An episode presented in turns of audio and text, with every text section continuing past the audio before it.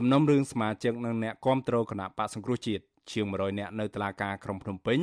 បានស្ងប់ស្ងាត់អស់រយៈពេលកន្លះឆ្នាំមកហើយបន្ទាប់ពីសវនាការលើកចុងក្រោយ កាលពីថ្ងៃទី18ខែកុម្ភៈ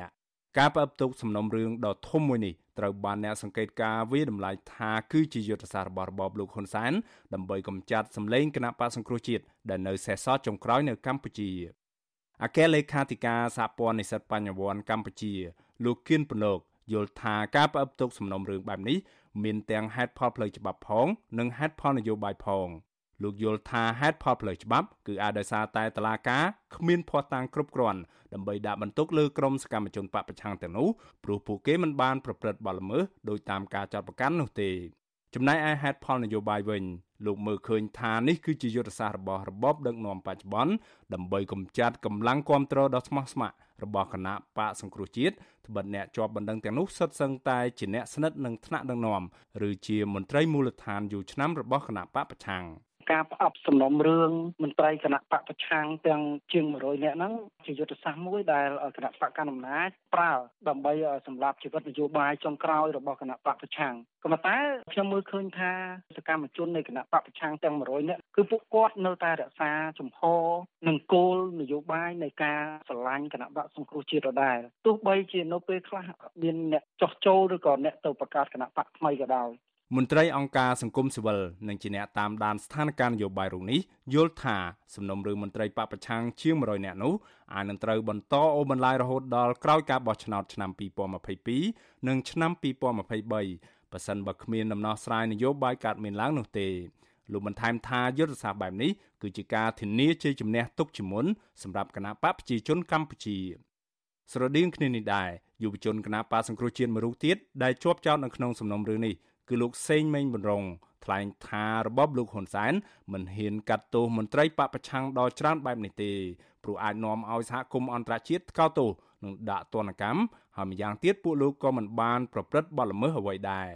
លោកជឿថាការប្រព្រឹត្តទុកសំណុំរឿងបែបនេះគឺជាយុទ្ធសាស្ត្របំបិតសម្លេងគណៈបពប្រឆាំងគាត់ទុកសំណុំរឿងនឹងចេះតែពជាពេលរហូតដើម្បីចង់បំបត្តិសម្លេងពួកខ្ញុំដែលពួកគាត់ចោទហ្នឹងដើម្បីកុំឲ្យអ្នកខ្លះនៅក្នុងប្រទេសទៅគាត់កុំឲ្យមានសកម្មភាពឬមួយក៏ចូលរួមសកម្មភាពនយោបាយផ្សេងទៀតហើយពួកខ្ញុំនៅក្រៅស្រុកនេះក៏មិនអាចចូលទៅក្នុងប្រទេសវិញបានអញ្ចឹងគឺគាត់ធ្វើក្នុងន័យហ្នឹងតឡាការរបបក្រុងភ្នំពេញបានចោទប្រកាន់មន្ត្រីនិងអ្នកគាំទ្រគណៈបកសង្គ្រោះជាតិសរុបជាង100នាក់ពីបទរួមគំនិតក្បត់ ញុះញង់ឲ្យប្រព្រឹត្តបទឧក្រិដ្ឋជាអាតនិងញុះញង់កុំឲ្យយោធិនស្ដាប់បង្គាប់ដោយសារតែពួកគេបានបន្តគាំទ្រគណៈបកសង្គ្រោះជាតិជាពិសេសគាំទ្រដំណើរវិលត្រឡប់ចូលស្រុកវិញរបស់លោកសំរងស៊ីកាលពីខែវិច្ឆិកាឆ្នាំ2019ជនជាប់ចោតមួយចំនួនត្រូវបានអាជ្ញាធរចាប់ដាក់ពន្ធនាគារនិងមួយចំនួនទៀតបានរត់ភៀសខ្លួនទៅក្រៅប្រទេសដើម្បីគេចចេញពីការតាមធ្វើទុកបុកម្នេញរបស់អាជ្ញាធរ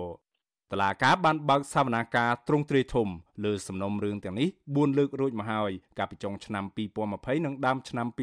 2021ក៏ប៉ុន្តែបានផ្អាកទៅវិញចាប់ពីខែកុម្ភៈរហូតមក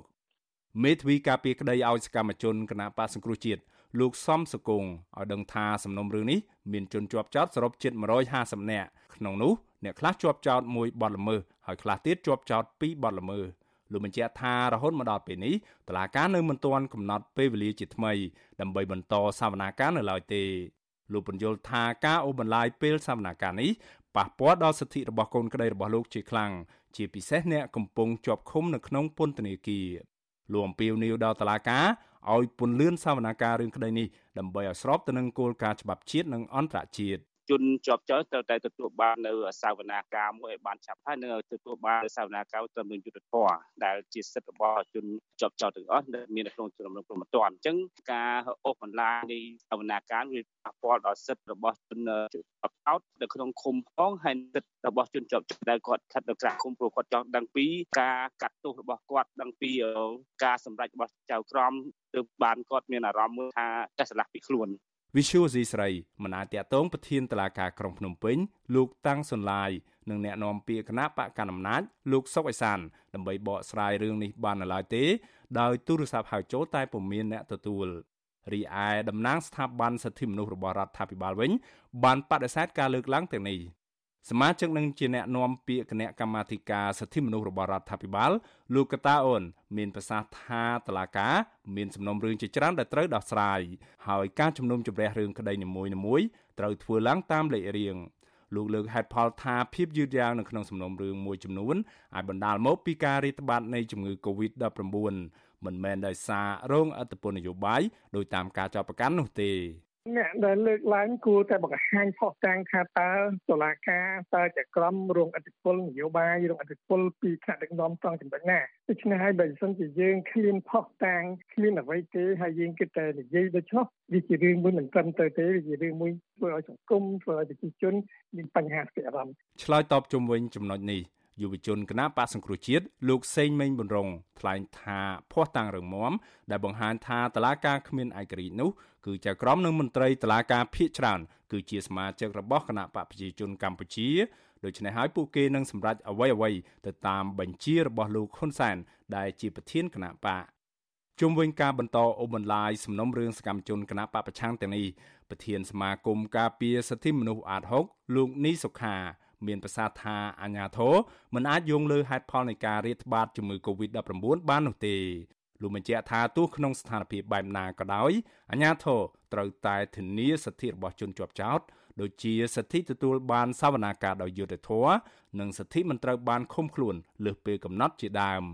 លោកបញ្យល់ថាការអូសបន្លាយនៃសំណុំរឿងបែបនេះនឹងប៉ះពាល់ដល់សិទ្ធិជាច្រើនទៀតរបស់ជនជាប់ចោតជាពិសេសសិទ្ធិនយោបាយរបស់ពួកគាត់ គាត់ត្រូវបាត់បង់សិទ្ធិច្រើនណាស់ដូចជាសិទ្ធិធ្វើដំណើរសេរីភាពក្នុងការជួបជុំគ្រួសារសេរីភាពអីហ្នឹងគឺថាវាមានភាពបាត់បង់ហើយសេរីភាពធ្វើនយោបាយជាពិសេសហ្នឹងគឺថាគឺបាត់ទាំងស្រុងតែម្ដងដោយសារតែយើងដឹងថាច្បាប់នៅកម្ពុជាយើងមិនអាចឲ្យអ្នកដែលជាប់ពន្ធនាគារទៅធ្វើនយោបាយឬក៏ទៅបោះឆ្នោតបានទេ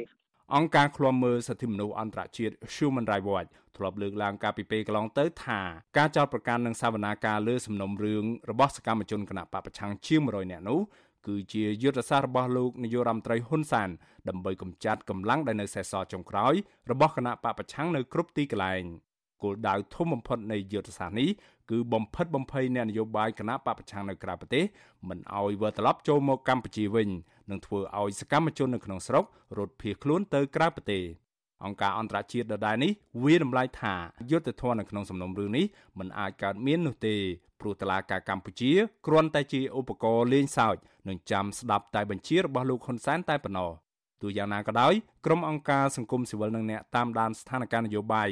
នៅតែជំរុញឲ្យរបបលោកហ៊ុនសែនទម្លាក់ចោលបទចោទប្រកាន់និងដោះលែងសកម្មជនទាំងឡាយដែលកំពុងជាប់ឃុំ ដើម្បីស្ដារស្ថានភាពស្រុកទេសឡើងវិញ ពីព្រោះមានតែធ្វើបែបនេះទេទើបឲ្យកម្ពុជាអាចបោះជំហានទៅរកឯកភាពជាតិនិងជាផុតពីទនកម្មបន្ថែមទៀតពីសហគមន៍អន្តរជាតិបានខ្ញុំបាទមេរិត Visual C ស្រីរាយការណ៍ពីរដ្ឋធានី Washington